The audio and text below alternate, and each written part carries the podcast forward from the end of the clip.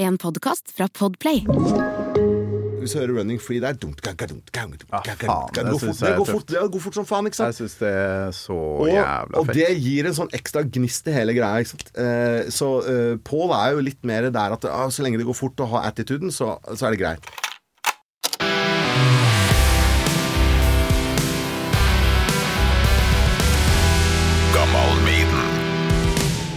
Paul Diano, det, er- man hører liksom så mye om han. Ja. Og så er det jo ikke alt som stemmer, så klart. Men nå har jeg jo en god kilde. Ja, jeg, har jo, jeg har jo spilt med den i 15 år, da, så jeg har liksom opplevd litt forskjellige ting med den. Alt fra for å grisekjeft i Lillehammer for å spille for sakte. Eh, og da gikk det allerede for fort. Til liksom sånne derre fantastiske high five moments, liksom, i eller annen gig i, i Polen, liksom. Det er sånn små Man husker liksom alle giggene med Pål. Jeg tror jeg har gjort i nærheten av 80. Ja, Sweet. det, det her gleder jeg meg til. Håper du òg gleder deg. Ja, veldig. Det er dritspennende. Nerde og Maiden er jo liksom Det har jo vært eh, hovedinteressen sin eh, Ja. Det er jo det som er livet. Ja, men jeg, Iron Maiden har vært jævlig viktig for meg, liksom. Og er fortsatt. Kjører vi på, da? Ja. Torkil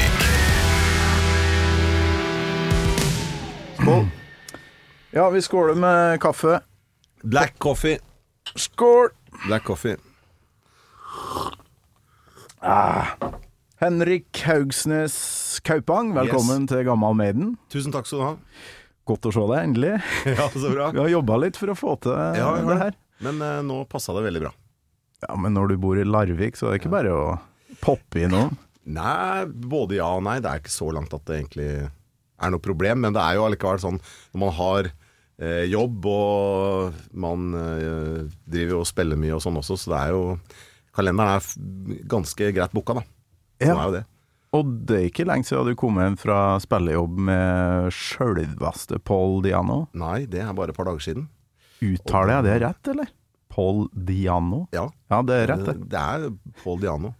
Hvordan var det der? For nå har han vært sjuk, Ja. hvordan er den storyen der, egentlig? Eh, greia er at vi eh, merka allerede ganske tidlig ved at Paul hadde litt sånn eh, limping leg, da. Og det kan jo de her gutta i Audrey Horn eh, også bekrefte, fordi de på en måte var på sitt norske band før vi tok over. Eh, og det er liksom høyrebeinet som er, har vært problemet. Og det la vi merke til ganske fort da vi begynte å spille med den i 2007, at eh, han brukte stokk. Og da tenkte jeg liksom ja, ja, ok. Og han, han dro litt på den. Ja, og nå i ettertid har jeg sett videoer av han fra 1990, hvor han også drar på det beinet. Så ja, det her har pågått lenge, altså. Og da er det noe, noe han ikke har gått til legen med, eller? Ja, antageligvis. Eh, og dette blir jo bare verre og verre og verre, helt til vi eh, gjør en spillejobb i India i 2015, i mai 2015. Og da kommer vi ned der, eh, og så ringer promoteren meg idet vi lander. Eh, han hadde sendt fetteren sin for å hente oss på flyplassen. da. Så ringer han meg altså Paul is at the doctor, liksom. Ja, ok. Ja, uh, his leg is playing up. Og det, da hadde vi blitt, på en måte blitt litt vant til dette her, da, at det, ting skjedde med det her beinet. Og da uh, tenkte vi ikke noe mer over det, liksom. Ja, ok, Paul er dårlig i beinet, liksom. Men når vi da kom ned til Pune, da, hvor vi var, liksom skulle ha base i noen dager, og vi skulle jobbe litt, og vi skulle på noen pressekonferanser og litt forskjellige sånne ting, og da oppdager vi at Pål går på to krykker, da. Og han bare egentlig Han sleper beina mer eller mindre etter seg, da. Og en av gutta i bandet er, eh, jobber i helsevesenet, så han tok en titt på beinet og bare Ja, men Pål, beina dine er lilla, liksom. Eh, det her må noen se på. Ah, ah, it's just water, mate. It's just water. Nei, Pål, det er ikke sikkert at bare dette her er vann, liksom. Uh, så han, han på en måte eh, ignorerte det så lenge han kunne, da. Og da gjorde vi den jobben i India, og så hadde vi noen eh, jeg tror fem konserter i Sverige på høsten samme året. Og da var det nesten vanskelig å få han ut og inn av biler og sånn, vet du. Ja. Og, og, og klubbvenues med trappetrinn og sånn, da er det nesten klin umulig. Og da merka vi at ok, det her ikke sikkert går så mye mer. Og da endte det med at han endte på sjukehuset, Mm. Eh, og fikk noe behandling der. Men så var det begrensa hva de fikk til i England, og så er det en kis nå, da, i Kroatia. eh, som heter Stepan, som har liksom eh, tatt litt tak i situasjonen. da Fått Paul over, satt i gang en litt sånn derre Let's Save Paul Diano-greie. Eh, og har fått inn en del penger. Og det har da resultert i et sånt rehabiliteringsprogram, da. Så han er på en måte De har fiksa tenna hans. Han har gått ned nesten 15 kilo på noen måneder. Uh, han trener beina, han trener armer. Altså, han Syns jeg husker at jeg så en video Ja. eller noen bilder på, i, på nettet. Ja. Der han Da tenkte jeg han, han lever ikke Nei. ut året. Nei, og det var det vi tenkte. Og da var han invitert av Doug Samson og det bandet han har, eh, Air Force er det vel. Og da gjorde de en litt sånn Maiden-greie på Carton Horses, som har blitt uh, the, the birthplace of Iron Maiden, og er Ja, klubben ja, ja. i London. Uh, og da gjorde de en litt sånn eh, Og jeg mener at Dennis uh, Wilcox var der òg, han eh, som Paul tok over etter i Maiden. Ja, ja, ja. Eh, og da var det ja, så det var veldig, veldig sånn Det var Maiden-familietreff, da. Eh, og de bildene, det er jeg enig i at der ser det ut som Paul er uh, døden nær, altså. Og det kan godt hende at han var også, men da, i den perioden, så bare teksta vi og ringtes, liksom. Jeg har ikke truffet han i den perioden. Eh, men eh, når vi nå kom da ned til Zagreb her om dagen, så hadde vi en øvingsdag eh, hvor vi møttes og prata litt grann, og, og hadde en litt sånn uh, powwow, da. Hva skal vi gjøre? Vi hadde øvd inn et sett. Vi plukka ut noen låter. Begynte liksom på et eller annet punkt inn der å gå opp for oss at vi hadde kanskje øvd inn litt mye låter. Eh, Paul var ikke helt up for a full 90 minute-greie enda. Eh, han var bekymra for stemmen sin, bla, bla, bla. bla, bla. Og i den øvingssituasjonen her så dukker Paul sin gamle gitarist i Killers opp, eh, Cliff eh, Evans. Okay. Nei, ikke Cliff Evans. Herregud. Vi kaller han bare for Sugge-Cliff. Eh, Cliff Williams. Cliff Eh, Williams eh, høres jo veldig kjent ut. Ja, Eh, det er jo han uh, ACDC-bassisten, er det ikke det? Nei, det er, det er Cliff Evans, er det ikke det? Nei, det er Williams. Ok, Cliff er Williams. som, da sa jeg riktig først, da. Da sa du kanskje rett først. I hvert fall. Cliff var der med kona si. Ja. Eh, og hun røpa at i den perioden så hadde de truffet han et par ganger. ja. Og det var eh, ikke bra. Eh, så at noen nå på en måte har eh, redda han ut av eh, Ut av noe som kunne blitt veldig mørkt, det tror jeg absolutt. For han satt bare i en leilighet. Hva var eh, diagnosen? Eh, Det er eh, Han har jo hatt noe sånn der blodforgiftning og alskens muligart, og det er masse sånne komplikasjoner, da. Jeg vet han har snakka om at han har operert vekk en byll på lungene på størrelse med en golf, eh, fotball eller et eller annet sånt, men det, det vet ikke jeg noe om, altså. Det, that's news to me, liksom. Så det kan jo være en røverhistorie for alt jeg vet. Men eh, at han har vært veldig sjuk, og at det har vært ulike ting som har plaga han, det er ingen tvil om. Så, men hovedsakelig så er det beina, rett og slett. da. Eh, men at tankene mine har gått i retning av kanskje det er noe eh, sånn som eh, han eh, godeste Mick Mars, for eksempel. Han har jo fått eh, ny hofte, og det er jo litt sånne type ting. Ja, ja. Han har jo alltid hatt Motley stive ledd. Og, ja. Ikke sant? Så at det er noe i det landskapet der, det tror, tviler jeg ikke på, egentlig. Men ok. Men her om dagen i Zagreb, var det dagen før Maiden skulle åpne turneen? Ja, Ja. så det var strategisk I rullestol og greier da, opp Ja, på ja. scenen. Rulle opp i rullestol, og det har han jo bare gjort på et par. Han syns det er flaut, jeg skjønner jo det, han liker ikke det. Eh, Men nå var det her som litt sånn Han skulle gjøre dette her som eh, en Det var jo mer sånn der thank you da til de kroatiske fansen. Det var liksom det som var intensjonen. Ja. Og så er det han promoteren da som har lagt denne konserten til dagen før Maiden. Eh, og da skjønner du jo liksom at da kommer jo diehardsene fra Chile, Brasil, Tokyo, Stockholm. Eh, da kommer alle de som er ordentlig, ordentlig diehards, liksom. Ja. Selvfølgelig skal de se den konserten. Så ja, det var noen kroater som var og så giggen, liksom. Men det var vel så mye kjente tryner fra andre gigger vi har gjort rundt omkring eh, andre steder. Så, så det var eh, det her, det var kjernen. et.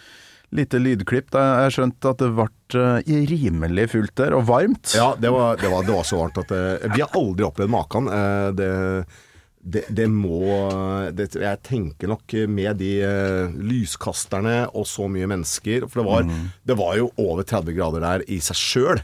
Eh, og da inne i den der gjettegryta der er jo ikke et snev av ventilasjon i det hele tatt, liksom. Og, og det var jo moshpit, og folk sang jo Det var, det var helt galskap, liksom. Så det Tror du var- lurer på om det var du som- søkkvåt, liksom. Ja. Du, og du spilte tromma, ikke sant? Her er et lite klipp. Jeg tror det er Prowler dere er godt i gang med. Ja, ja, det stemmer nok. Jeg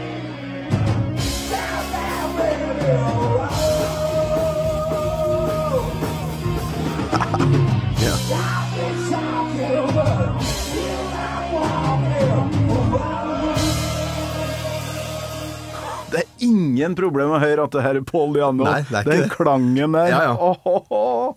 Og Ja. som jeg har hørt og lytta og kosa meg med han fyren her. Han er jo legendarisk, og Han det. er digg å se det klippet, sjøl om han sitter i rullestol, Ja. at han faen meg er tilbake igjen. Får nesten tårer i øynene. Ja, det er jo ganske vanlig òg, sitte Axel Rose har gjort det, Dave Mm, ja. Grohl har gjort Ja, ja, ja. det, James Hetfield har vel Ja, også prøvd for seg ikke på å snakke om eh, eh, det her gamle Trash Black-bandet, hva er det het for noe? Possessed, er det det? Possessed? Hvor, hvor vokisen sitter i rullestol Han er Å ja, ok. Det var noe, det var noe bilulykke eller et eller annet. Ja, ja, ja. Så, Nei, men, ok. eh, så det var Men det var flere gigs, eller? Det her var bare én. Ja. Og så er vi booka på en festival der nede. For det er litt av problemet nå, at vi, eh, vi kan ikke fly med. Eh, det blir litt hassle, og det vet vi at blir et nightmare for han også. Så vi ligger unna flygigs. Og så lenge han er der nede på opphold, så blir det booka en jobb, så er det i kjørbar avstand, liksom. Eh, så at vi nå da kanskje ender opp med å gjøre noen jobber i Slovenia, type eh, Østerrike da kanskje, eh, Ungarn, eh, i det området, Italia kanskje, det, det ser jeg ikke bort ifra, da. Eh, men vi er booka på én festival i Kroatia i august. Ja. Sammen med Tarja fra Nightwish, blant annet. Så det var litt sånn derre ja, Skal hun- være med? også? Nei, nei, altså type lineup på Å ja, festivalen. sånn, sånn, ja. Det hadde vært jævlig bra. Du, Ja, ja duett Phantom, mellom Phantom of the Opera-duett. Ja! Paul Diano med, og Tarja. Men du jo, spiller jo i, med flere ting, og på flere instrumenter. Jeg har Ja. en snutt av et band som heter Hex AD. Ja. The Day The Sky Exploded. Ja. Fra forrige albumet, 2020. Stemmer. Astro Tongue in the Electric Garden. Ja, Vi hører litt på det. ja kult.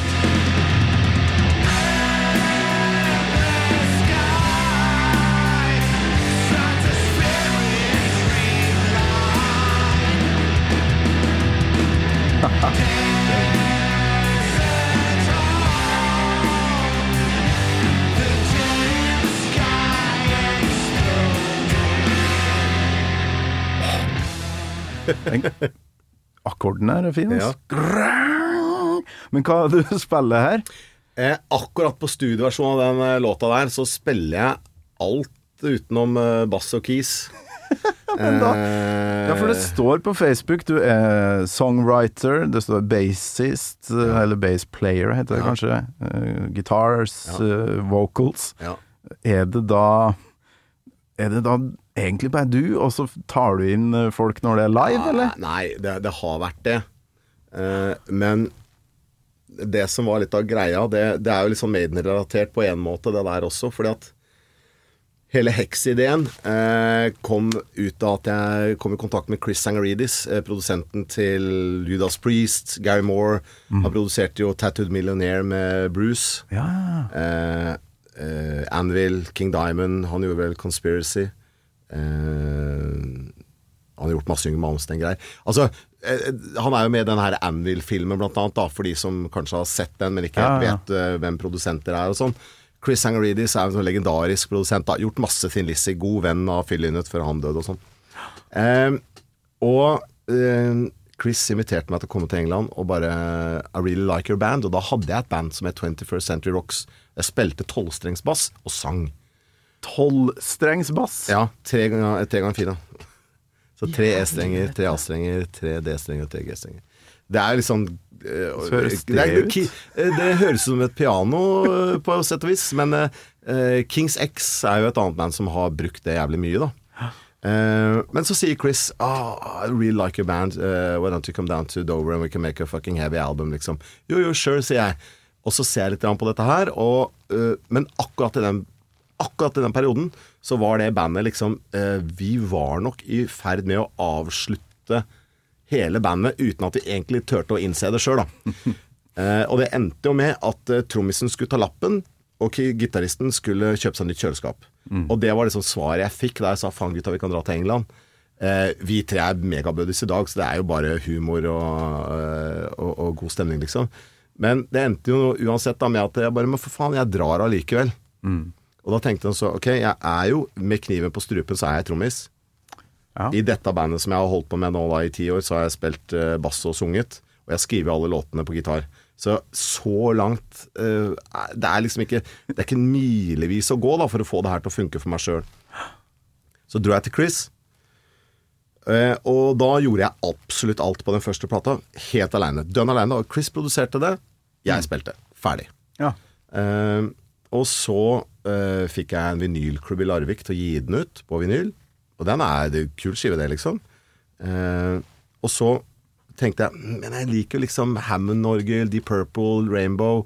Jeg liker den vibben litt, da. Altså, jeg hørte egentlig Hex-prosjektet som litt, me, litt mer episk på én måte. da Litt mindre hardtson og litt mer episk. Når jeg hørte gjennom uh, en Ja. del av albumene her, så Ja. det, er, det er mye Rainbow. Det er mye sånn eh, Ja. John Lord uh, Ja, og- Føler den derre Ja, og den, den er litt viktig for meg. Og uh, da Magnus Johansen, da, som har blitt uh, organisten vår, mm. ikke sant.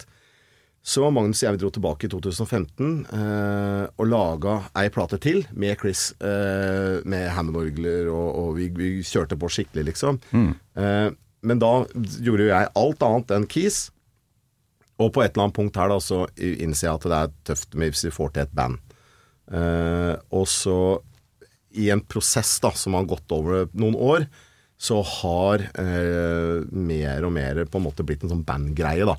Hvor jeg spiller gitar og synger, broren min spiller trommer, Uh, og så har vi da en Magnus på orgel og, og mellotron, og så har vi bassisten vår med på Diano, som jeg har spilt med eh, siden 2000. Jeg hadde et band med han eh, mange år, eh, mange år siden med et absolutt stil. Okay. Eh, og, og Are og jeg vi har jo spilt sammen i masse prosjekter. Sammen med Rowan Robertson fra Dio. Eh, vi har et band eh, som vi hadde både han og Jeff Nichols fra Black Sabbath i samme band. Så, så Are og jeg vi har gjort mye sammen, så er det naturlig at på en måte han også ble integrert i, i liksom på en måte studiobiten av Hex. da. Men eh, akkurat den låta du spilte der, er jo liksom eh, Den skiva er litt eh, leken og litt sånn progressiv i, sånn, i, i sin Den totale atmosfæren på skiva er litt sånn leken og progressiv. Veldig, og det er det nok en mer sånn tema som går gjennom Ja, elekt Electric Garden eh, Ja. hører man opptil flere ganger. Ja, ikke sant? Og det er litt den biten der. eh, Men det er litt mer min type trommestil enn det er broren min sin. Ok. Så, han, eh, så på den plata så spiller han to låter, resten spiller jeg. Ja. På den plata vi slapp i fjor høst, der spiller han alt utenom én låt. Eh, okay. så, vi, så bandet på en måte da har to trommiser. Eh, og så spiller vi til styrkene våre, på en måte, da. Og det, det er jo litt sånn det har blitt. Men eh, definitivt mest Maiden-inspirasjoner på den eh, låta som du var innom så vidt eh, nå. Den, der er det masse Maiden-inspirasjoner. Ja, ja. Eh, åpningssporet på den skiva er jo rett og slett trommegruven rappa rett ut av The Clansman. Så Så det er jo Det var jo fanfavoritt i de åra vi spilte med Blaze, på en måte. Da, og det er jo noe sånt Man merker seg jo noen ting man liker å spille. ja. Og den eh, Clansman-grooven er eh, som trommeslager er bare Det er fest og moro, altså. Fra første opptelling, liksom. Skal se om jeg klarer å finne Det hørtes veldig interessant ut, den trommegruven der. Ja, eh, låta heter Deadly Nightshade. Låta heter det? Ja, låta heter Deadly Nightshade. Og der er liksom trommegruven fra Clansman. Det er noe sånn der eh, Eastern vibes helt på starten. Eh, men når bandet kicker inn, så hører du det veldig lett. Ja, ok.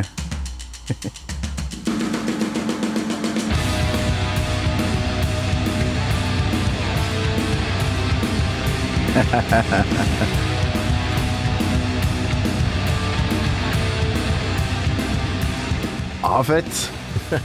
Det albumet her du er mest fornøyd med, da? Eller? er Nei, nei, nei, nei. Jeg liker tredjeplata best, jeg. Netherworld Triumphant. Det er min personlige favoritt. Okay. Eh, den skiva som du nå graver litt i, det er den som på en måte har vært eh, eh, skal jeg si for sånn kritikerfavoritt, da. Det virker som, eh, når jeg søker på strømmetjenestene Ja. her, at det ligger liksom lengst opp, da. Ja, den er veldig, den er veldig poppis uh, av de tinga vi har gjort. Men det er liksom Den er den letteste og kanskje mest tilgjengelige skiva vi har, da. Ja, ja, ja. Så det er jo ofte litt sånn. Jeg liker tredjeplata desidert best. Men uh, det er kanskje litt av den Black Sabbath-greia uh, som jeg følte vi liksom traff best på, da. For at eh, det, det, er, det var et sånt ønske om å eh, ta fakkelen litt der hvor eh, Sabbath var med, med Dio. Og også helt på slutten, da de kalte seg Heaven and Hell. Så den tredje plata til Hex er på en måte en litt sånn hyllest til den eraen, da, for meg. Ja, de hadde jo òg med seg keyboardist uh, Ja. en god stund. Absolutt. N Nichols. Jeff? Nichols, ja. Jeff, Jeff ja, Nichols, ja. Eh, han var ikke med på da de kalte seg Heaven and Hell. Da var det Scott. Warren fra Dio som på en måte tok den jobben. Da. Men Jeff Nichols eh, var jo med i Sabbath fra 1979 helt fram til han ga seg i 2004. Han. Så, og etter det så gjorde vi et band sammen fra 2010 til 2012. Og så fikk han eh, lungekreft, og så døde han bare noen eh, få år inn i den behandlinga. Så det var veldig trist. Men uh, var en veldig, veldig varm og god fyr. Han er bare godord å komme med, rett og slett, i forhold til Jeff Nichols. Han var en fantastisk bra dude. Men eh, Henrik, du har gjort utrolig mye greier, hører jeg. Mhm. Ja. For en fantastisk historie Ja, du setter på.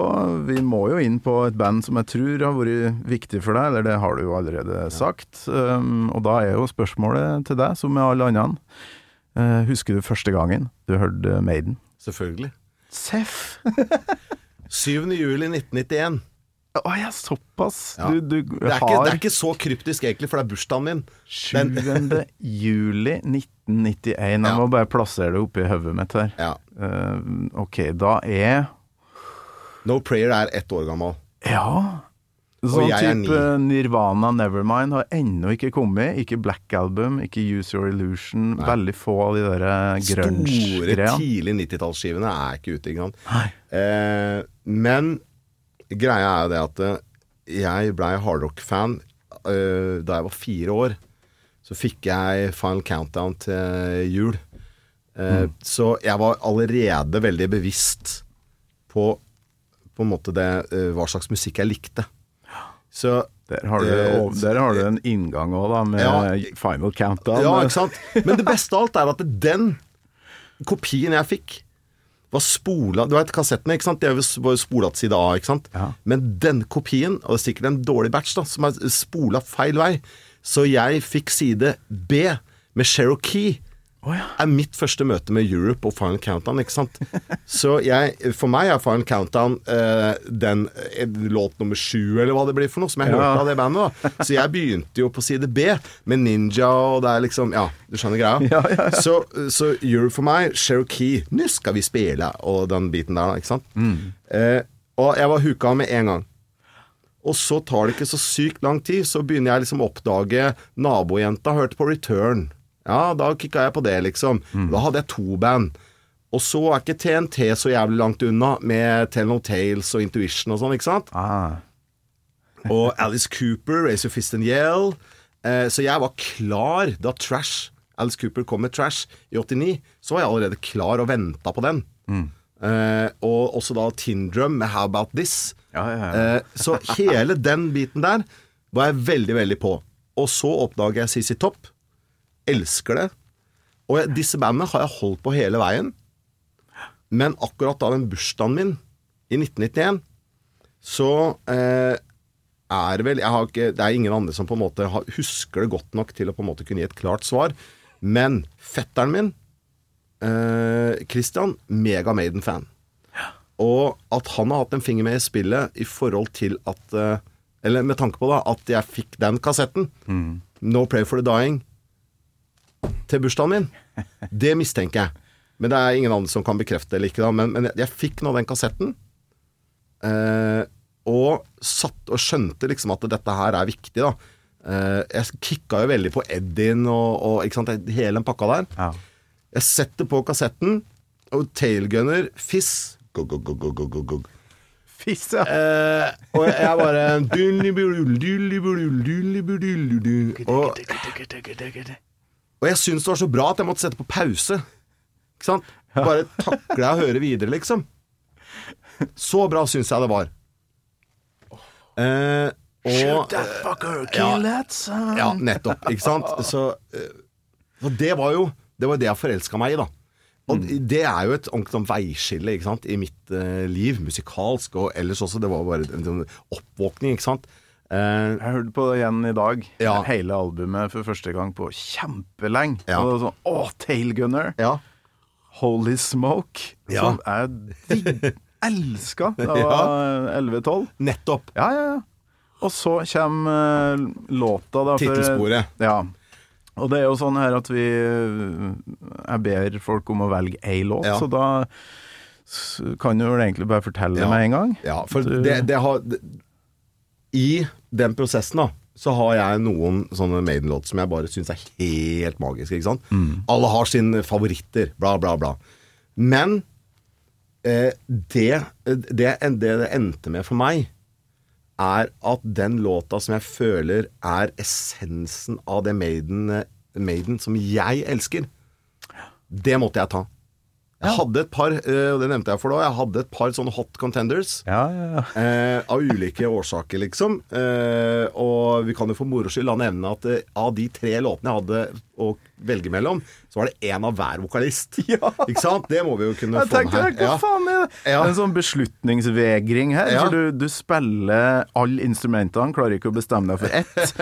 og så kommer du med ei Paul Diano-låt, Ja. 'Phantom of the Opera', og så kommer du med ei Blaze Bailey-låt, som uh, Det var Blood uh, Blood on the World's Hands. Blood on the World's Hands. Men vi så bare, ender- Nei, vet du hva? Vi tar den her, og da Vi kan høre introen eh, på den her, tenker jeg. No Pray for the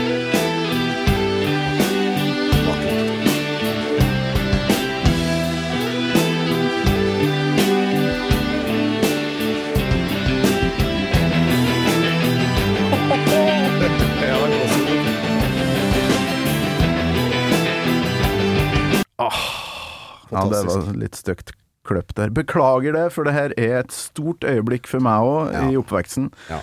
Og jeg vet at uh, det er kanskje sånn 10 av Maiden-fansen som òg får Ja. gåsehud av den her, mens resten kanskje er litt sånn meh. Ja, men er det, er det et eh, generasjonsskille der, tror jeg? Ja, ja. Eh, jeg har jo masse kompiser i Sandefjord som eh, Dette her er det her de detter av. Jeg mista favorittbandet mitt i Drammenshallen med An- Anthrax som supportband 1990, liksom. Ja, de er litt der. Eh, og jeg tyner jo dem, da, og kaller dem bare for Pensjonistforeninga. For at eh, da får de liksom Ja, ja Adrian Smith eh, liksom ut, og Yannick Ears og altså, Og de tyner jo meg noe jævlig. Så nå som jeg, jeg er her og gjør eh, intervju med deg, så kan jeg tyne dem også, liksom. Ja, ja, kjør på, kjør på. Eh, så Jeg har hatt nok uh, gjester som Som uh, mener at de mesta Begynte å meste Maiden allerede med Seven Son. Da, og at Ja. det liksom ah, Nå driver jeg med å lefle med Ja. noe synthesizer. Altså. Ja, ikke sant? Så, og da kan vi jo bare ha det sagt med en gang. Altså, Maiden har jo vært favorittbandet mitt siden den dagen, ikke sant? Eh, og eh, i hodet mitt, da Se for deg en sånn ni-ti år gammel gutt. Har jo ikke oversikt over medlemmer eller produksjonsteknikker eller sånne type ting. En ni-ti år gammel gutt liker det han liker. Og jeg kicka på dette litt råe, harde Iron Maiden. Eh, jeg vet ikke om det bandet hadde vært like skjellsettende eh, Den opplevelsen hadde vært like skjellsettende hvis jeg hadde blitt servert Wasted Years først. Ja, sånn, ja. Typ. Ja, ja. Eller, eller Infinite Dreams, for eksempel. Da. Det er ikke sikkert. Kan hende. Mm. Men det er, det er umulig å si. Men jeg mistenker kanskje at Ja, ja, det er fett, det her, men det, er, det kicker ikke helt. For det var akkurat den harde, rå biten av Maiden som traff meg. Mm. Eh, og jeg måtte jo gå da et år og vente på neste plate, på en måte. Og det jeg husker det dukka opp på Shell stasjon rett der jeg bodde da jeg var liten. Ja, du hadde en og sånn ja, ja. Og der kom jo Fair of the Dark i det der kassettstativet, ikke sant. Ja. Og da bare Faen, det er en ny Maiden Jeg visste jo ikke at den var ny da. Nei. Ikke sant? Og bare Å, det er en annen Maiden-skive, liksom. Den kjøper jeg jo, ikke sant.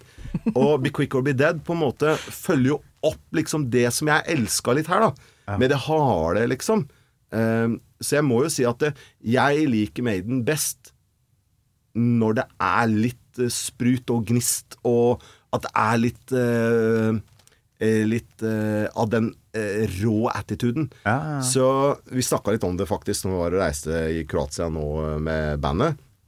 At jeg liker Og vi, der er vi litt uenige, for det er to av oss som på en måte liker når Bruce bare åpner eh, kanalen og gurgler på. Vi syns det er jævlig heftig, liksom. Mens eh, de andre kanskje ikke er like begeistra for det. Og, og, og det er jo Det er jo smak og behag, liksom. Men Han har eh, For yes. eksempel i den låta her, så har han en sånn eh, Han sier for eksempel eh, I got nothing to lose, yeah! Ja. Det, det hadde han aldri gjort i løpet av 80-tallet. Og så kommer det et yeah der, som Ja. er litt, sånn OK. nå- Atypisk. Ja, nå kommer, kommer det en ny epoke her Ja. med noe, nytt. Og så var det litt det, var, det, var, det, er, det er noe med den plata, da. Så må jo si at noe av det som jeg eh, som fortsatt, da, nå som jeg har oversikt over karriera, jeg har oversikt over hvem som bytter eh, hvor og når og alt det greiene der, den har Jeg syns at eh, den skiva er litt som en sånn frisk pust.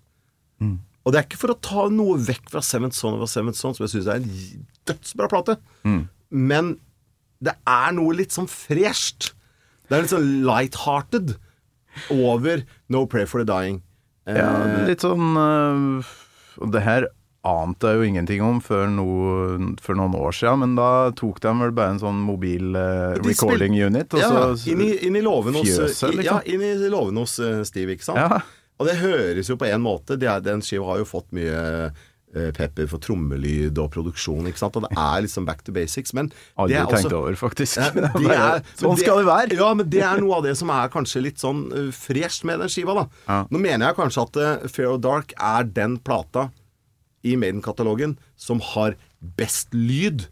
Å, sånn rent produksjonsmessig. Så tenker jeg sånn Her Nå låter det skikkelig. Men der er det eh, noen da som mener at From Here to Eternity, eh, Weekend Warrior Noen liksom Nei, jeg vet jo at eh, noen også trekker fram Apparition som en veldig, veldig svak låt. Men ja, jeg, jeg er nok med på den. ja, ikke sant? Men for meg, da, så syns jeg de er dritheftige. Men vi skal liksom bake det tilbake til No Prayer, da. Så tenker jeg at det, lyden kanskje eh, har eh, sin sjarm på No Prayer. Eh, og det er noe av den opprinnelige Maiden-opplevelsen for meg i det. Som jeg tenker nok at Fear of Dark som en plate låter mye bedre. Eh, så har nok de har nok eh, gitt det et par runder ekstra i miks og, sånn, da. Når de har gjort det. Og jeg tror nok Martin Birch har vært mer hands on i forhold til trommelyd og sånn, da. Vi må høre litt på den raspy stemmen til det Bruce. her, vi, altså. Litt av første verset. Ja, There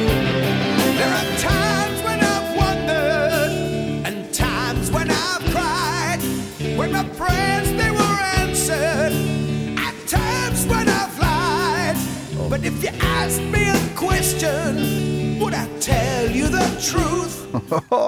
Og så kommer Jeg har kløpt uh, må, må være litt korte klipp, dessverre, Ja, i ja. Sånn er slutten på andre verset, og det jeg syns er noe av det deiligste med låta, de her mellomspillene som Ja, kommer ja, ja. mellom, som kommer her nå. If you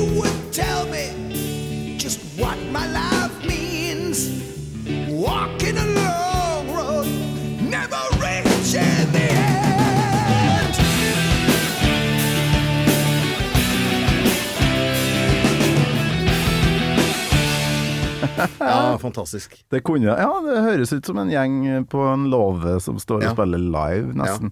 ja, det kan godt hende at det er det de gjorde òg. Og så er teksten litt sånn eh, Er det Steve Harris som har laga alt sammen her? Den låta er Steve-låt. Det er sånn som i en del andre Steve-låter, litt sånn eksistensielt Mm. om døden. Hva er det her livet, og, og hva, hva er poenget? Ikke sant? Infinite Dreams er vel òg litt sånn Absolutt. veldig Og jeg syns uh, oppbygninga på låta det, sånn, uh, det kan høres ut som en ballade, men Ja. så er det ikke det likevel? Nei, for. Maiden klarer ikke ballader. Hva er det de sier for noe? We, we, we've never managed to actually stay calm. Nei. Whole song through. Wasting Love er, er vel ganske er rolig gjennom og hele. Prodigal Son er ganske rolig gjennom hele. Ja, stemmer det. det ja. Eh, men den, sånn, den er jo litt sånn upbeat. Det er litt sånn Jethro Tully Ja, ja, aldri sett på det som noe ballade, egentlig. Nei. Eh, men eh, Nei, men de er jo litt der. De må liksom gønne på, da. Så har de jo låta på Fair og Dark som kommer etter, da, med 'Afraid to Shoot Strangers', Ja. som er en slags Liker du den òg? Jeg liker den veldig, Å, veldig fy faen, jeg elsker den. Så, eh, og den låta som Altså No Play for the Dying, tittelsporet, har jo noen definitive likheter her, da. Ja, Med veldig. Afraid to Shoot Strangers. Så at de på en måte er kanskje litt snytt ut av nesa på hverandre, det Ja, jeg husker vi spilte i første bandet sang i, så spilte vi begge de låtene her. Ja. Og da var det vel noen gitarister som som Ja. ikke klarte helt å høre forskjellen. Så Ja. det ble litt sånn Ja. eh, Å nei, faen, det starta på Ja. feil riff. Ja, ja. For der eh, går vel Er det ikke der Det er nesten kliss likt, det der Ja, eh, oppbygging av up- den- upbeaten her, ja. for det kan vi høre på nå. Det er Ja. taktskiftet.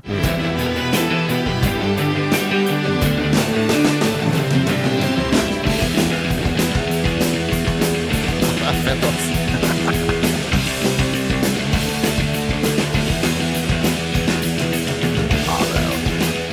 Klassisk Maiden det her, da. Men uh, Main Not 'Afraid to Shoot Strangers' det er nesten likt.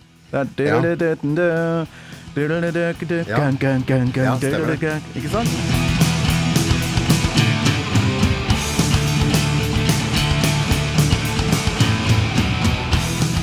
De er nok eh, 14 år gammel, da er det ikke lett å høre forskjell på de to. så Nei, vi, nei, nei. vi drev været og kødda etter, husker jeg, med det første bandet mitt. Ja.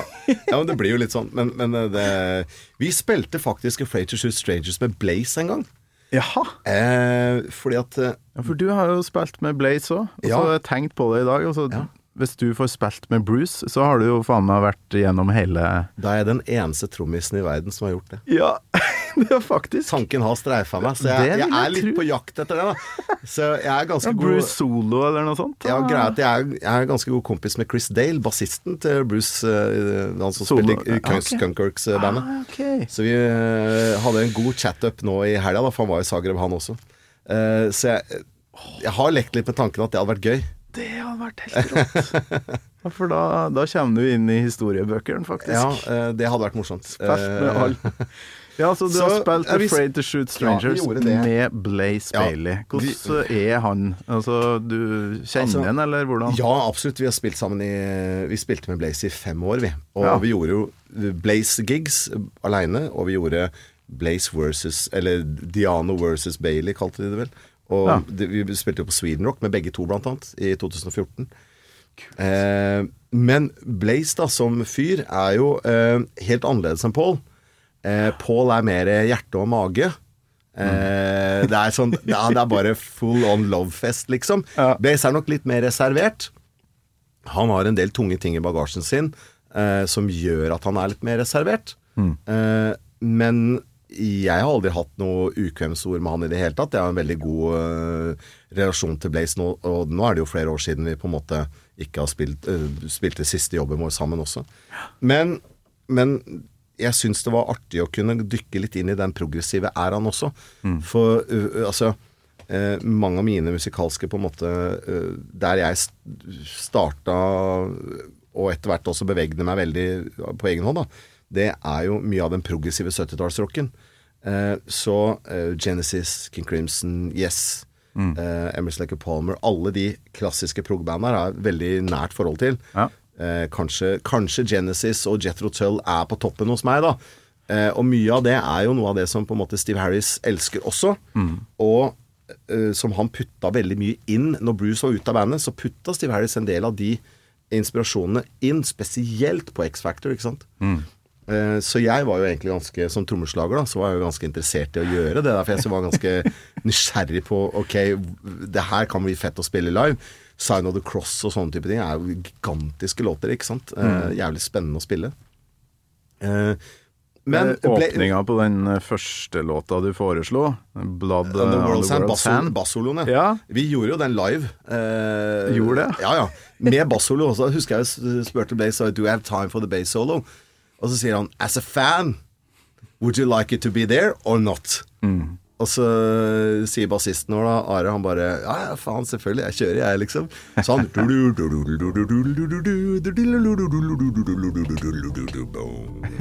Lager litt sånn stemning og sånn, da.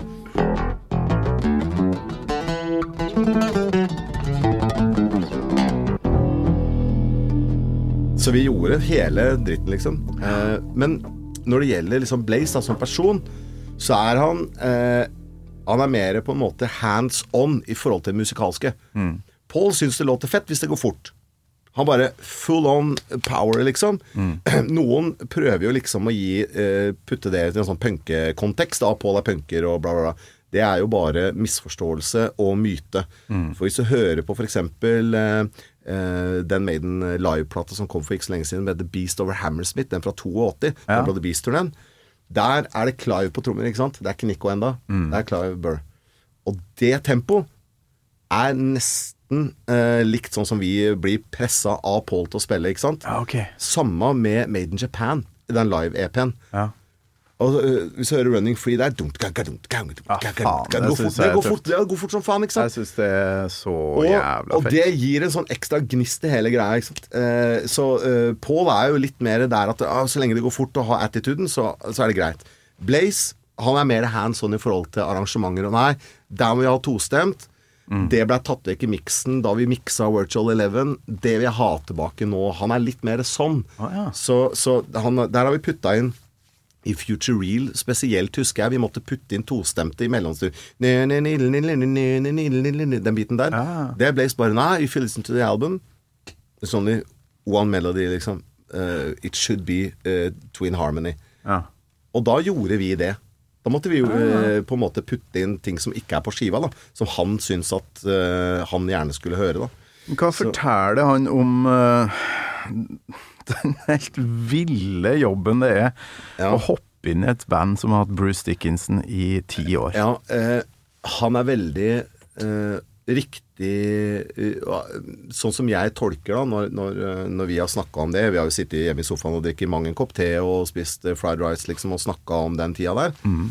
Og da sier Blaze at eh, han syns det var en vanskelig oppgave, ja.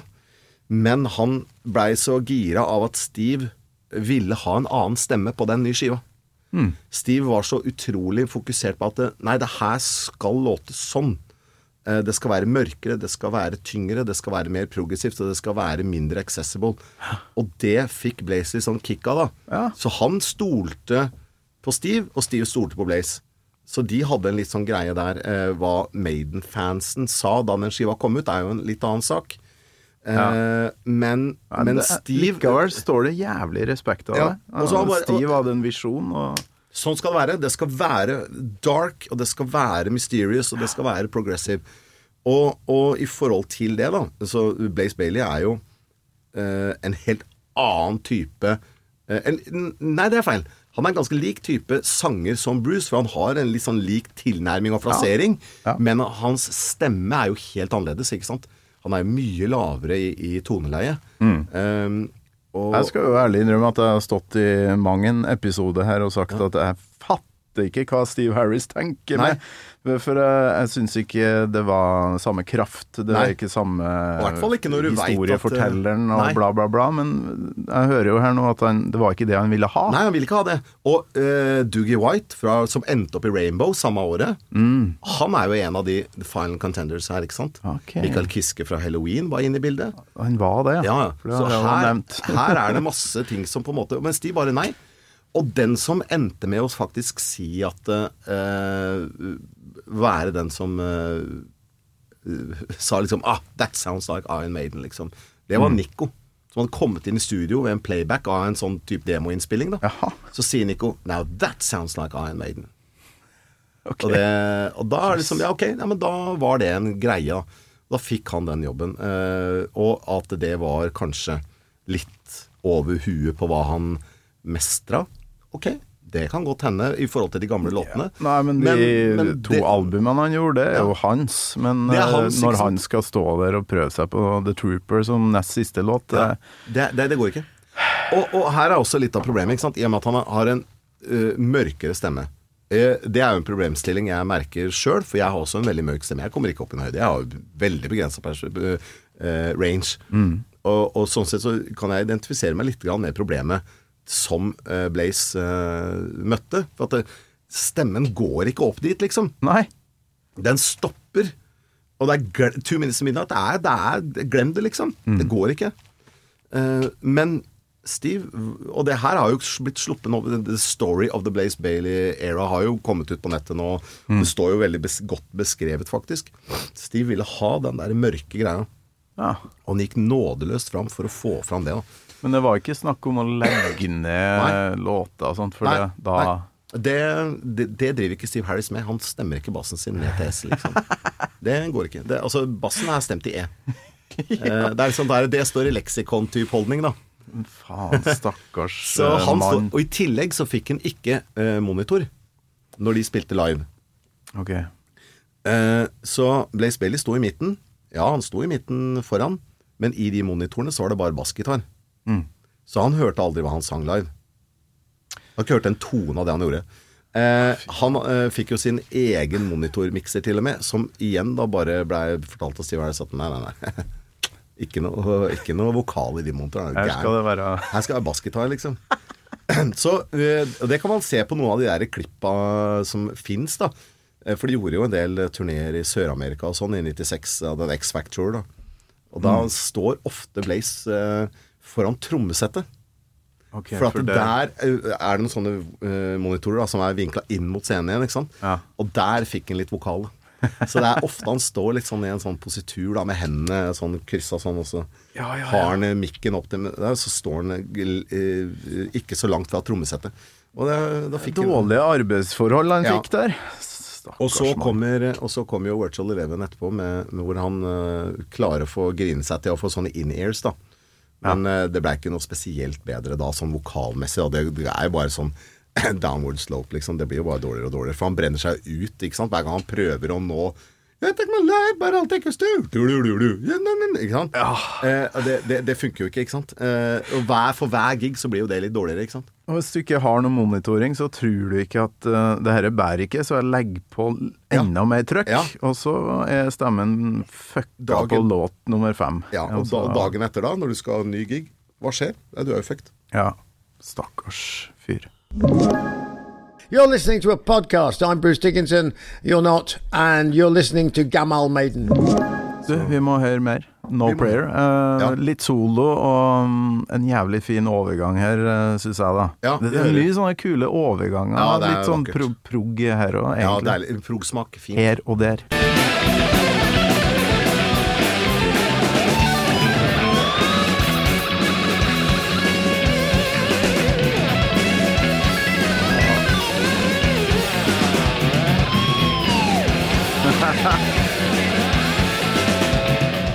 Det er jo frisk som faen, den Det er jo soloen der. Ja. Det er litt sånn snasete at jeg har lagt inn ekta Ja. i den, eh, Det er annenhver runde der, så Altså en liten Ja. ekstra, ja. Stemmer. det er Den er nydelig. Så Nei, altså, jeg tror det er kanskje den litt softe åpninga som får veldig mange til å grine litt på nesa over den Men det den er jo så stemningsfull. Ja, altså Jeg er jo veldig opptatt av melodi, da. Og da Ja. jeg var tolv år gammel, så var dette her midt i blinken, altså. Ja. Men, men har du noen gang tenkt over at eh, Jeg vet CD-en, det var jo liksom et par år fram i tida for meg da, da dette her skjedde, liksom. Og det, No Prayer ble liksom mitt møtepunkt med den. Mm.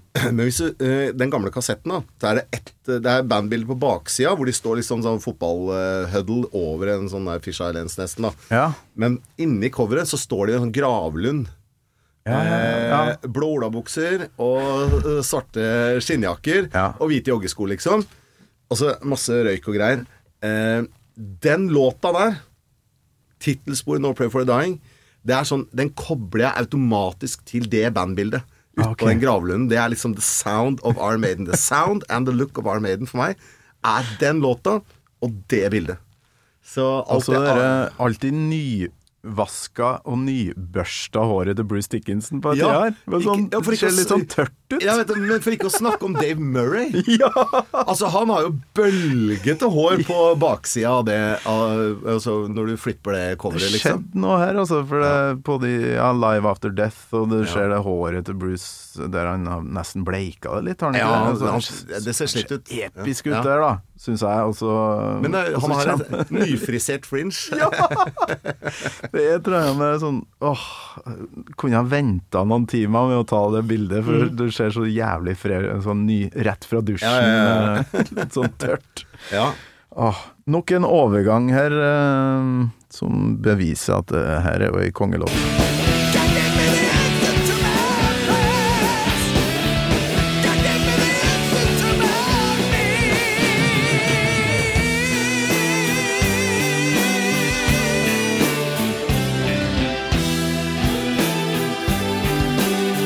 Altså, her er det jo bassen igjen. Altså, jeg elsker Ja, det er noe timingting der med bass og trommer som er bare helt vanvittig bra. Åh. Satt jo og spilte luftbas til det her, så klart. Ja, ja. Åh. Og så kommer Det her er jo rett før avslutninga, vi må høre den nå.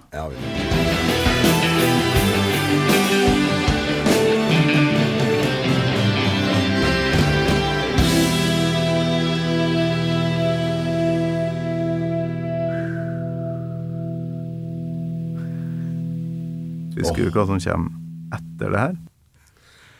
Eh, For det, det setter Jeg har hørt det her så mye at Men er det Aha! Ja, det er det. Det er tatovert inni kroppen. Ha-ha! Som sikkert er Nico er McBrain, vil jeg tro. Ja, ja, selvfølgelig. Ikke sant?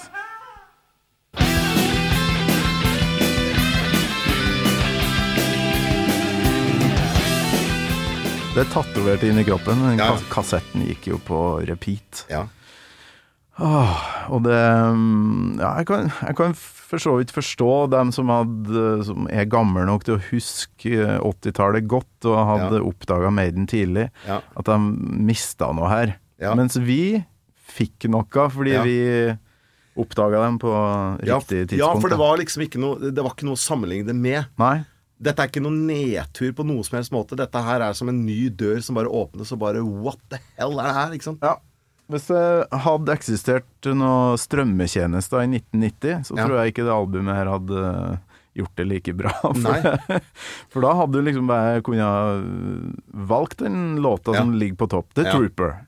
Run to the Hills. Ja. Of the Jeg er veldig glad for at jeg slapp det. Ja, faktisk. Eh, at, eh, at det ikke begynte der. For det, det er jo noen av de låtene jeg liker minst.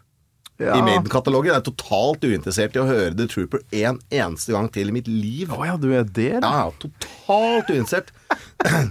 Og når det er sagt, så kan jeg stå med uh, virkelig med, uh, med faen i handa og si at jeg syns Peace of Mind er kanskje den svakeste 80-tallsskiva deres. Oh, ja. Jeg syns det er noe ska, skadeskutt sveiserost. Det er helt Der er det så mange svin på skogen. Å, fy faen. If Det you're gonna er die, så if you're gonna die, if you're gonna die, if you're gonna die. Eh, for ikke å snakke om legendariske Refrenget på Die Die liker jeg ikke, men Og uh, In a time when dinosaurs walked the earth. Det er ikke så veldig ja. mange mennesker da. Hva skal vi si deg? En artig ting om Peace of Mind. greit nok. Jeg var så irritert på tanngrooven på Flight of Icarus. Oh, ja. At i det bandet jeg spilte i på ungdomsskolen, så covra vi Flight of Icarus og putta inn High-Hat Groove isteden. Nei, ser du det? Bare for å slippe å bare forholde oss til den du, du, du, oh, ja, Så vi kjørte ikke den, nei. Det, vi, det, vi, I opposisjon Rett og slett. Så vi eh, covra Flaut og Vikarus bare for å kunne bytte ut Det forferdelige tanngrooven, liksom.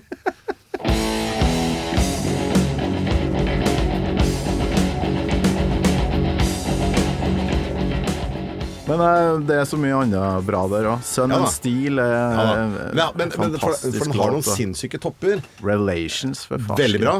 Og for ikke å snakke om liksom Still Life og To Tame Land, som er bare De er jo karrierehøydere, liksom. Ja. Uh, Where Eagles Eagles. Ja. Ja, ja. Så det er jo et jævlig bra album. Ja. Men det jeg tør påstå at det er det svakeste av 80-tallsskivene. Eh, jeg vet at eh, jeg har noen eh, i ryggen der. Vi har jo vi, den nerdegjengen som jeg sånn sett er en uh, aktiv del av, vi krangler jo ofte om Iron Maiden. Uh, og uh, det er et par i den kompisgjengen min som egentlig deler litt den vurderinga, da. Ja, ja, ja. Så jeg er ikke helt aleine om å synes akkurat det. Og i, i den prosessen her da, så har jeg gått veldig eh, godt, Ok, er det svakheter? Hvor er katalogen her, liksom? Så har jeg hørt, da. Og det jeg har liksom landa på, er at nok de, de tre første er nok der hvor liksom Maiden ikke skjærer feil overhodet, liksom. Der er ideene fortsatt freshe.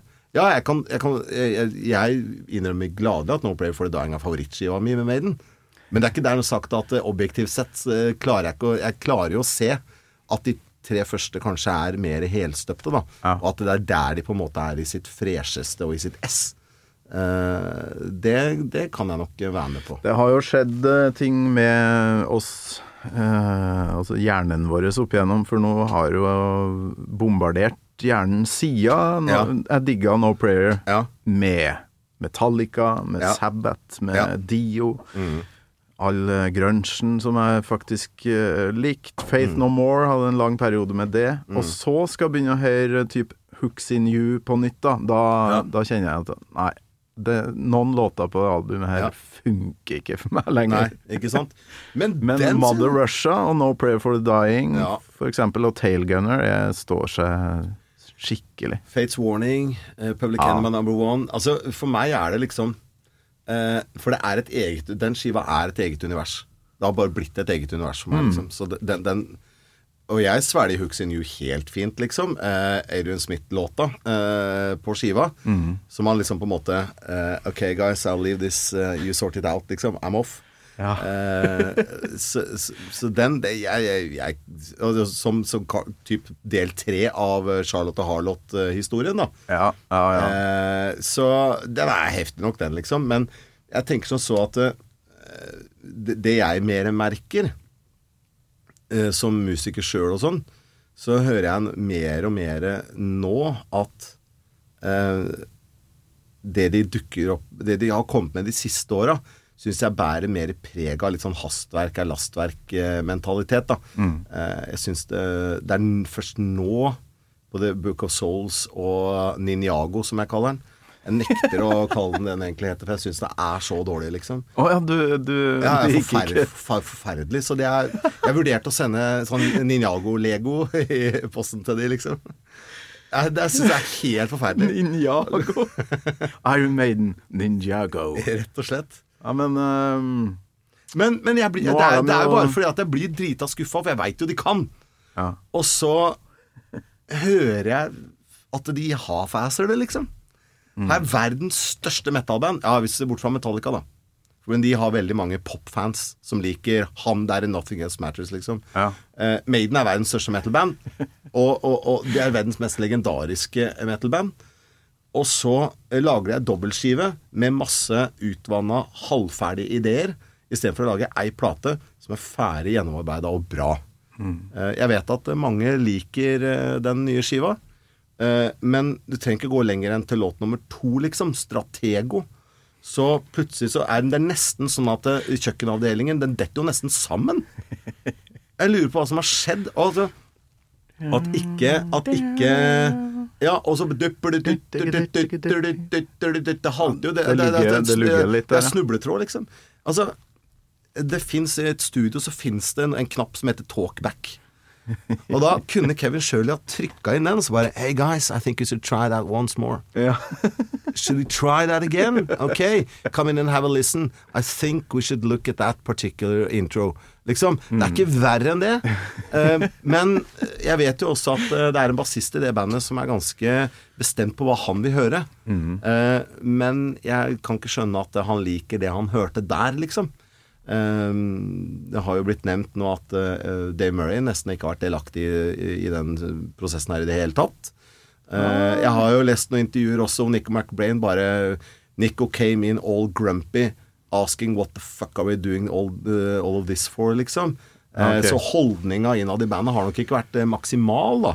Eh, Nei, det der har gått meg hus forbi. Jeg vet Jeg har- ikke, Er det sånn type typ kommentarfelt, eller er nei, nei, det er artikler som intervju. Jeg tror de har til og med tatt bilde ja. av eh, sånn, Skal vi se, to sekunder, skal jeg finne det, skal jeg lese det ordrett. Det er Bruce Dickinson som har sagt det. Og det var rett etter at plata kom. Jeg mener jo, og forrige, forrige skiva også, så var det Adrian Smith var veldig tidlig ute, rett etter at plata kom ut, The Book of Souls. Og da sa han at eh, nei, eh, dette her er klept sammen av øvingsopptak. Ja, no shit, Sherlock. Hvis du hører på Speed of Light, Nick McBrain spiller det samme brekket. Jeg tror det er 24 ganger etter hverandre. Hver takt.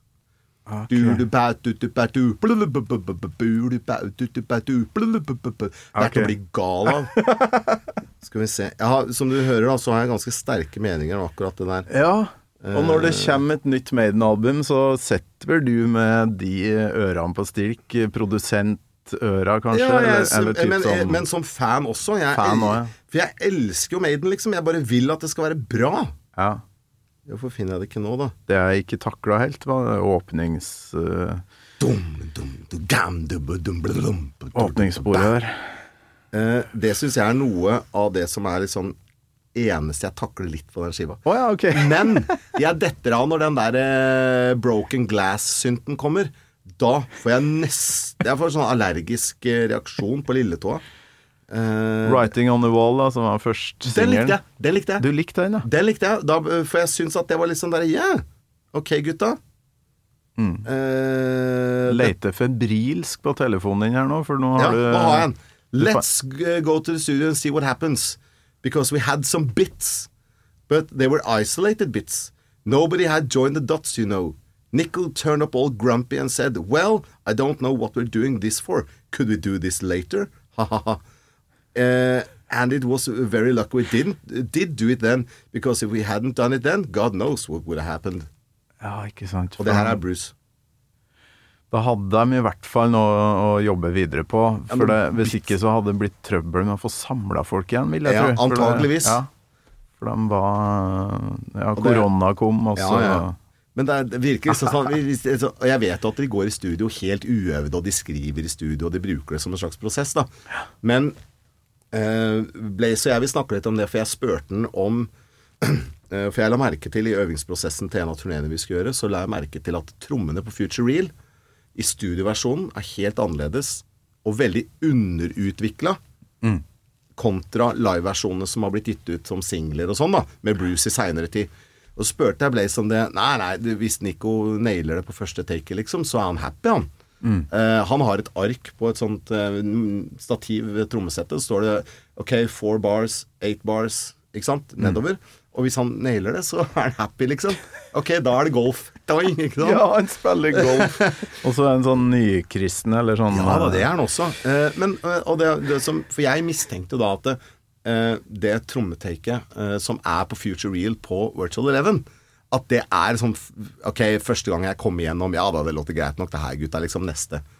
Eh, jeg kjenner jo på en måte litt sånn lusa på gangen, da. Ja, okay. Eh, for jeg, jeg kjenner, kjenner meg kanskje litt igjen i det, ikke sant? At ja, det funker, det her. Det er fett, liksom. Ja, kult. Videre. Ja, Eh, og så spurte jeg litt sånn Ja, ja, nei, selvfølgelig. Det er en uh, første rønfru, liksom. Det er bare tst, gjennom Ok, neste låt. Og, og det vil jo da si at eh, alle de derre eh, Ja. Sånne småting, da. Markering Markeringer og sånn. Ja. Det er jo ribba for markering i originalversjonen. Og så hører du liveversjonen etterpå, det stappa fulle av de overalt, og masse tøffe overganger og sånn. ikke sant? Så det er det jeg mener med underutvikla. For jeg vet jo at Nico McBrain er en fantastisk trommeslager. Mm. Det er ikke tvil om saken, men ideene hans er litt underutvikla. Og ikke noe sted er det så tydelig, da, syns jeg, som i uh, Future Real, som jeg la merke til sjøl, Ja. og den her Speed of Light fra Book of Souls, hvor jeg syns han kjører det samme brekket hele tida. Og det er sånn eh, Nico sitt go to-brekk, da man ikke helt vet hva han skal gjøre. Så blum, bum, bum, bum, bum, bum. Ja. En, to, tre, fire, én, blum, bum, bum, bum, bum, bum. Det er brekket, liksom. Og det går, kommer hele tida.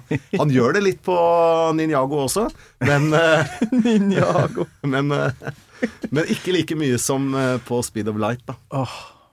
Men du har altså da akkurat vært og spilt med Paul Diano, og du kan kanskje da oppklare et ikke mysterium, for jeg har ikke jobba hardt for å finne ut av det her, men hvem var det jeg så med Paul Diano på Samfunnet rundt år 2000-2001? Hvem som var backing-band da, tror du? Aud- Audrey Horn. Det var dem, ja. Ja. Audrey Horn, faen. Men da vet jeg hvem jeg skal er Invitert til høsten. Ja, det er, eh, det er Thomas og Arve du må snakke med da. Ja. Rett og slett. Thomas Arve i Audrey Horn. Mhm. Da er det sesong seks. eh, Får starte med en tur til Bergen, da, kanskje. Rett og slett. Jeg så jo de Det var jo God Size fra Kristiansund, er det ikke det? God Size, ja. Eh, De varma jo opp. Det kan Eh, stemme. Ja. Det var Nei, for det var Jeg ser den jo på den videoen du la ut her. Han sitter i den rullestolen, Ja. eh, og så snau, snau på hodet som vanlig. Ja. Skjegg. Og det var vel sånn cirka sånn han så ut da, husker jeg. Men da Da hadde han hiphop-klær. Ja, det var seggebukse og veldig rare klær. Ja. Eh, eh, og det Noe sånn Tottenham-trøye, tror jeg. Ja, han ja, stemmer det. Fotballtrøye og seggebukse. Og det viser seg Jeg også stussa på det, for jeg så han eh, med det forrige bandet jeg nevnte, så Absolutt Stil. Vi hadde skiveslepp eh, på betong. Dette her kan ha vært 2001-2002, altså. Og jeg mener at det er, er samme runda som du da eventuelt så de da i Trondheim. Ja, ja. Eh, og da eh, spilte vi Maps of Steel på betong den ene dagen. Mm. Og så skulle Paul med Godside som support spille dagen etter. Så vi ble invitert til å komme tilbake dagen etter, og det dro, vi dro jo og så det, selvfølgelig. Ja, ja, Og det er første gang jeg så Paul Diano live. Og da tenkte jeg faen, det her er jo the original Maiden sound, liksom. Den, Mm. Den klubben. Den litt sånn eh, tøffe, intime greia. Ja. Ja, Det var helt vilt. Altså, for meg som uh, har vokst opp i såpass lita bygd at jeg tenkte Maiden kommer jeg aldri til å få sett live, men faen, nå kommer Paul Diano til samfunnet. Nå, ok, billett rett inn der, og um, jeg lurer på om det var Phantom of the Opera eller en eller annen låt sånn. sånn. Da kom tårene, faktisk. Ja. I helvete, han står Ja. Ok, han ser ut som en uh, snodig rapper eh, Ja. med Tottenham-trøye, men uh, det gir jeg faen i, for jeg hører den klangen i stemmen der. Og han, Den er fantastisk, Det er faen meg Paul Janne. Ja, for det, det er, ja, og det er det, vet du. Ja. Det er et eller annet noen ganger. Så får vi også den, og vi i bandet Vi må jo bare si det, vi er jo store fans, liksom. Ja, ja, ja. Det her er jo ikke, det, det her er ikke noe tøys for oss, på en måte. Jeg husker spesielt én gang vi spilte på Det kan ha vært et sånt konserthus i Arendal. Vi er typ 2012, 2000 og, eh, Kan ha vært 11, men jeg tror det var 2012. Eh, og da spilte vi Strange World. Hadde vi Strange World i settet. Eh, For det er ikke hver dag, eller? Eh, det Nei, den røyk ut ganske fort etter det. Men akkurat den turneen der så hadde vi både Charlotte Harlot og uh, Strange World. Jeg tror vi spilte hele første skiva faktisk i settet.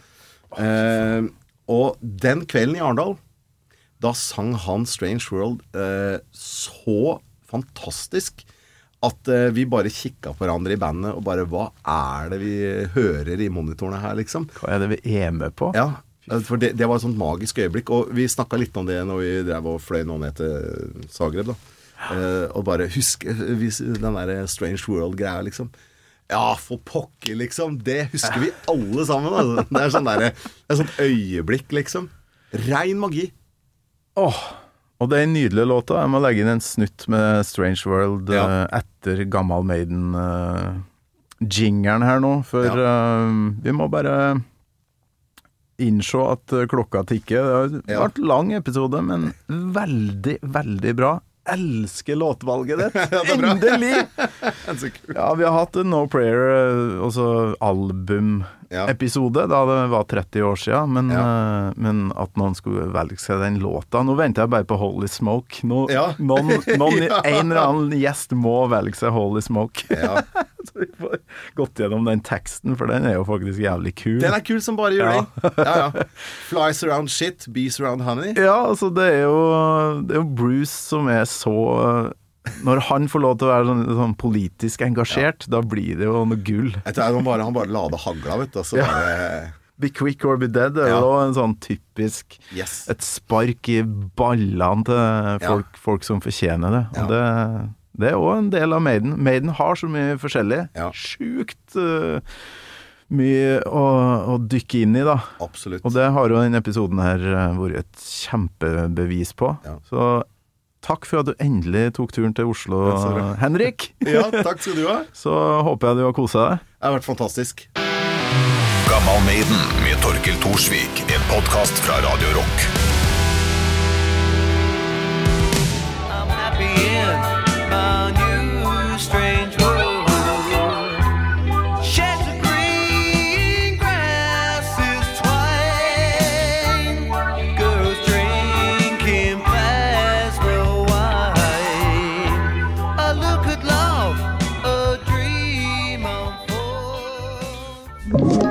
Du har hørt en podkast fra Podplay.